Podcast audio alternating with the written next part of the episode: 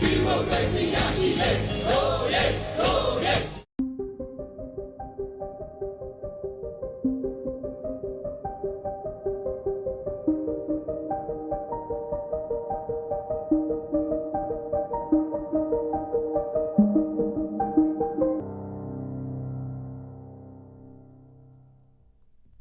ေါ်လာရေးနည်းပညာအစီအစဉ်ကနေပြန်လည်ကြိုဆိုလိုက်ပါတယ်။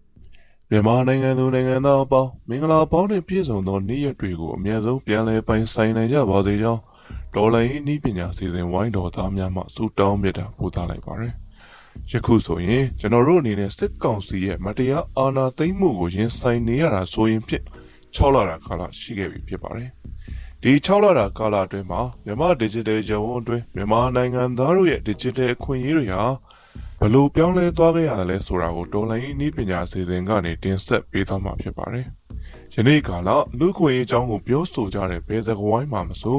digital အခွင့်အရေးဟာချမ်းလက်ကောင်းတဲ့အရာတစ်ခုမဟုတ်ပါဘူး။ကုလသမဂ္ဂရဲ့လူခွင့်ရေးဆိုင်ရာဆွေးနွေးပွဲများနဲ့ဆုံးဖြတ်ချက်များစွာမှာလည်း online ပြင်ပတွင်ရရှိသောလူခွင့်ရေးများကို online တွင်လည်းတူညီစွာရရှိရမယ်လို့အသိအမှတ်ပြုထားပါတယ်။သို့သော စစ်အာဏာသိမ်းမှုရဲ့6လတာကာလအတွင်းမှာတော့ digital အခွင့်အရေးတွေဟာကျွန်တော်တို့တွေအတွက်ဝေးတဲ့ဝေးလို့လာနေတယ်ဆိုတာကို6လတာကာလအတွင်းစစ်ကောင်စီရဲ့လှုပ်ဆောင်ခဲ့တဲ့ internet ကန့်သက်ချက်တွေကတက်တည်ခန်းနေပါတယ်။ February 1ရက်နေ့မျက်စိနှလုံးပွင့်လို့ online ဖွင့်လိုက်ချိန်မှာ internet ဟာမြန်မာနိုင်ငံရေးရာသီဥတုနဲ့အပြိုင်သိသာစွာထိုင်းမှိုင်းသွားခဲ့တာကို internet သုံးစွဲသူတွေမိပြောက်အောင်မှာမဟုတ်ပါဘူး။ ဒါရင်မဲလားဘယ်ဟုတ်ပါမလဲ February 3ရက်နေ့မှာတော့2019ခုနှစ်ဇွန်လကနေစတင်ခဲ့တဲ့ချင်းပြည်နယ်နဲ့ရခိုင်မှာရှိတဲ့ internet ပိတ်ပင်ထားမှုတွေကိုဖယ်ရှားပစ်လိုက်ပါတယ်။ရုတ်တရက်ကြည့်လိုက်ရင်ဟုတ်မလို့လို့နဲ့အဲ့ဒီ February 3ရက်နေ့မှာပဲမြန်မာတိုင်းနိုင်ငံလုံးကအင်တာနက်အသုံးပြုသူတွေဟာ Facebook နဲ့ Messenger တို့ကိုလွတ်လပ်စွာအသုံးပြုနိုင်ခွင့်ကိုထိန်းချုပ်ခံလိုက်ရပါတယ်။ February 9ရက်နေ့အရောက်မှာတော့ Twitter နဲ့ Instagram တို့လို social media တွေကိုပါထပ်တိုးလို့ပိတ်ပင်ပြဖို့စစ်ကောင်စီဟာညွှန်ကြားခဲ့ပါတယ်။ February 6ရက်နေ့မှာတော့နိုင်ငံတကာဥပဒေတွေအရအကာအကွယ်ပြုဖို့လိုအပ်တဲ့လွတ်လပ်စွာထုတ်ဖော်ပြောဆိုခွင့်နဲ့သတင်းအချက်အလက်ရယူခွင့်တို့ကိုမြန်မာနိုင်ငံသားများအတွက်အကာအကွယ်ပေးရန်ပြည်တွင်းအခြေစိုက်လူမှုအဖွဲ့အစည်းများကစုပေါင်းပြီးမြန်မာနိုင်ငံတွင်လုပ်ကိုင်နေကြတဲ့ telecom operator တွေထံအိတ်ဖွင့်ပေးစာတစ်စောင်ပေးပို့ခဲ့ပေမဲ့လည်း နီးရတာကိုကြောက်ရမယ့်အခြေအနေမှာတော့အရာမထင်ခဲ့ပါဘူး။အဲဒီနေ့မှာပဲအင်တာနက်ကိုနိုင်30ပိတ်ပစ်ဖို့အတွက်စစ်ကောင်စီကလှုံ့ဆော်ခဲ့ပါတယ်။မြန်မာပြည်ရဲ့လမ်းမကြီးများထက်မှလည်းစစ်အာဏာသိမ်းမှုကိုစန့်ကျင်တဲ့လူအုပ်ကြီးတွေနဲ့ပြည့်နှက်နေသောနေ့ရက်များစတင်နေပြီဖြစ်ပါတယ်။ဒီလိုနဲ့ February 10ရက်အရောက်မှာ VPN တွေကနေကြော်ပြီးသုံးစွဲမှုကိုကန့်သတ်နိုင်မှုအတွက်အသုံးများတဲ့ VPN တချို့ကိုထပ်ပိတ်ပစ်ခဲ့တာတွေ့ရပါတယ်။ February 9ရက်နေ့မှာတော့ internet အသုံးပြုသူတွေကိုကန့်သက်ချုပ်ချယ်နိုင်မှုပေါင်းများစွာထပ်ဆောင်းလှုပ်ဆောင်နိုင်မှုအတွက်စာမျက်နှာ36မျက်နှာပါတဲ့ Cyber Law မူကြမ်းတစ်ခုကိုမြန်မာနိုင်ငံကွန်ပျူတာအသင်းချုပ်နဲ့ UMSCCI တို့ထံပေးပို့ပြီးသဘောထားမှတ်ချက်တောင်းခံခဲ့ပါသေးတယ်ဒါဟာအာနာသိမ့်မှုစတင်ပြီးဆေးရတာကာလအတွင်းမှာလှုပ်ဆောင်ခဲ့တဲ့အင်တာနက်ဆိုင်ရာကန့်သက်မှုတွေဖြစ်ပါတယ်။ဒီအခြေအနေဟာဘလောက်ထိသိတာထင်ရှားခဲ့တယ်လဲဆိုရင် February 12ရက်နေ့ ကုလသမဂ္ဂလူ့ခွင့်ရေးကောင်စီရဲ့29ချိန်မြောက်အထူးအစည်းအဝေးမှာနိုင်ငံပေါင်း39နိုင်ငံကတော့အင်တာနက်နဲ့လူမှုကွန်ရက်သုံးစွဲမှုဆိုင်ရာကန့်သက်ချက်များကိုချက်ချင်းဖယ်ရှားပစ်ဖို့တောင်းဆိုခဲ့ကြပါတယ်။လူခွင့်ရေးတဲ့ကိုယ့်အခွင့်အရေးအကြောင်းပဲတန်ဖိုးထားသူတွေကတော့ဒီတောင်းဆိုမှုကိုလက်လို့ရှုခဲ့ကြပါတယ်။ February 23ရက်နေ့မှာတော့မြန်မာနိုင်ငံရဲ့လူခွင့်ရေးဆိုင်ရာအချက်အလက်တွေကိုမျှဝေနေတဲ့ website တွေအပါအဝင် website ပေါင်း30ကျော်ကိုပိတ်ပစ်ခဲ့ပါတယ်။ အော်စရာကောင်းတာကအဲ့ဒီအထဲမှာ COVID-19 နဲ့ပတ်သက်တဲ့အချက်အလက်တွေကိုမျှဝေပေးနေတဲ့ website တွေပါပါခဲ့တာပါ။သတင်းဆိုင်ရာအမောင်ကျော်သောနေ့ရက်များလို့ဆိုရမှာဖြစ်ပါတယ်။ February 15ရက်နေ့ကစတင်ပြီးအင်တာနက်သုံးစွဲသူတွေဟာညသကောင်ရဲ့အချိန်ကနေမနက်9နာရီအထိ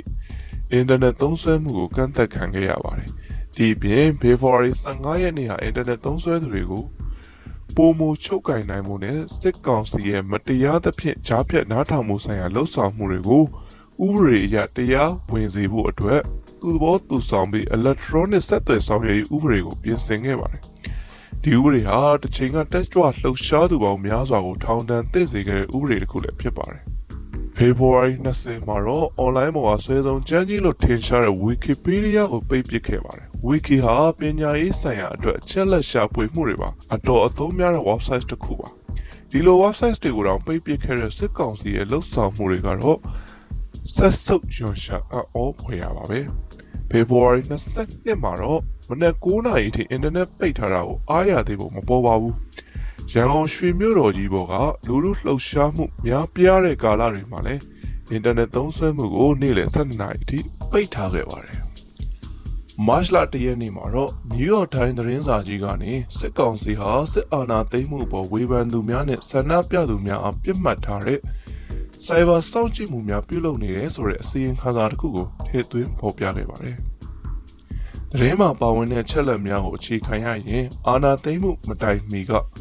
ဒီမိုကရေစီအစိုးရကိုပန်းပြပြီးစစ်ကောင်စီဟာအင်တာနက်ထိန်းချုပ်ကန့်သတ်မှုနဲ့စောင့်ကြည့်မှုဆိုင်ရာနည်းပညာများကို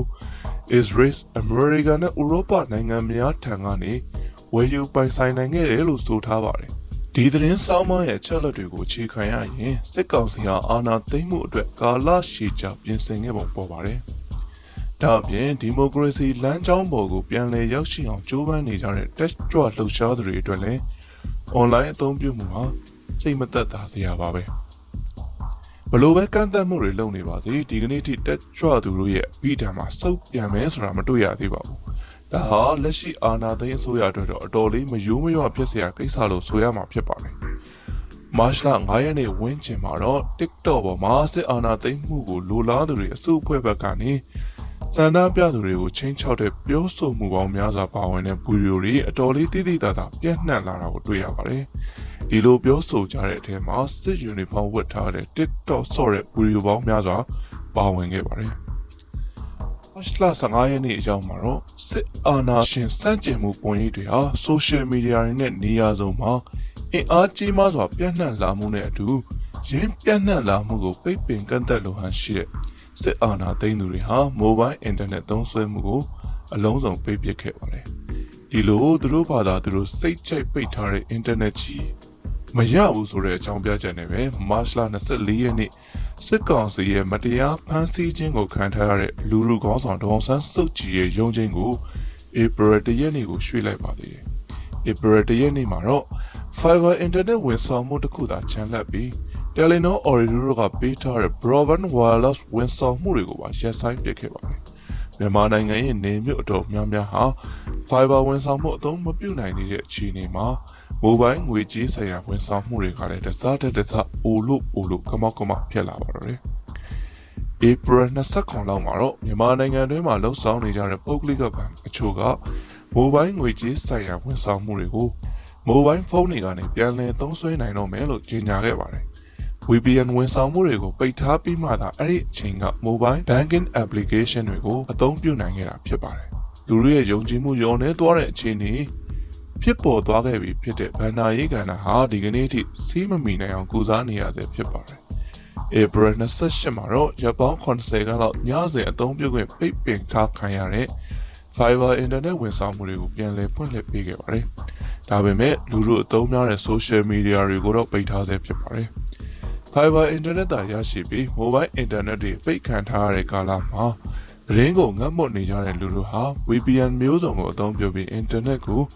မိနစ်အနည်းငယ်ဖြစ်ဖြစ်အသုံးပြုနိုင်ရေးစ조사ခဲ့ကြတဲ့ကာလတွေကလည်းဒီဖြတ်တန်းမှုဖြစ်စဉ်ကြီးထဲမှာပါဝင်နေခဲ့တာကိုတော့မေ့ပြလို့မရနိုင်ပါဘူး။မေလ25ရက်နေ့မှာတော့စစ်ကောင်စီလိုကြ website ပေါင်း1200ကျော်လောက်ကိုပြန်လည်သုံးစွဲခွင့်ပေးခဲ့ပေမဲ့အဲ့ဒီအထဲမှာလူသုံးများတဲ့ social media တွေဖြစ်တဲ့ Facebook, Twitter တို့လိုဟာတွေကတော့ချက်လက်ထားခံခဲ့ရပါတယ်။ ဇွန်လ၄ရက်နေ့ညနေပိုင်းက NUG ရဲ့သတင်းစာရှင်းလင်းပွဲအချိန်နဲ့အချိန်ကိုက်ပြီးအင်တာနက်ကိုဖြတ်တောက်ပစ်ခဲ့ပါသေးတယ်။မရှုစိတ်နိုင်မှုကြီးပေါ့လေဗျာ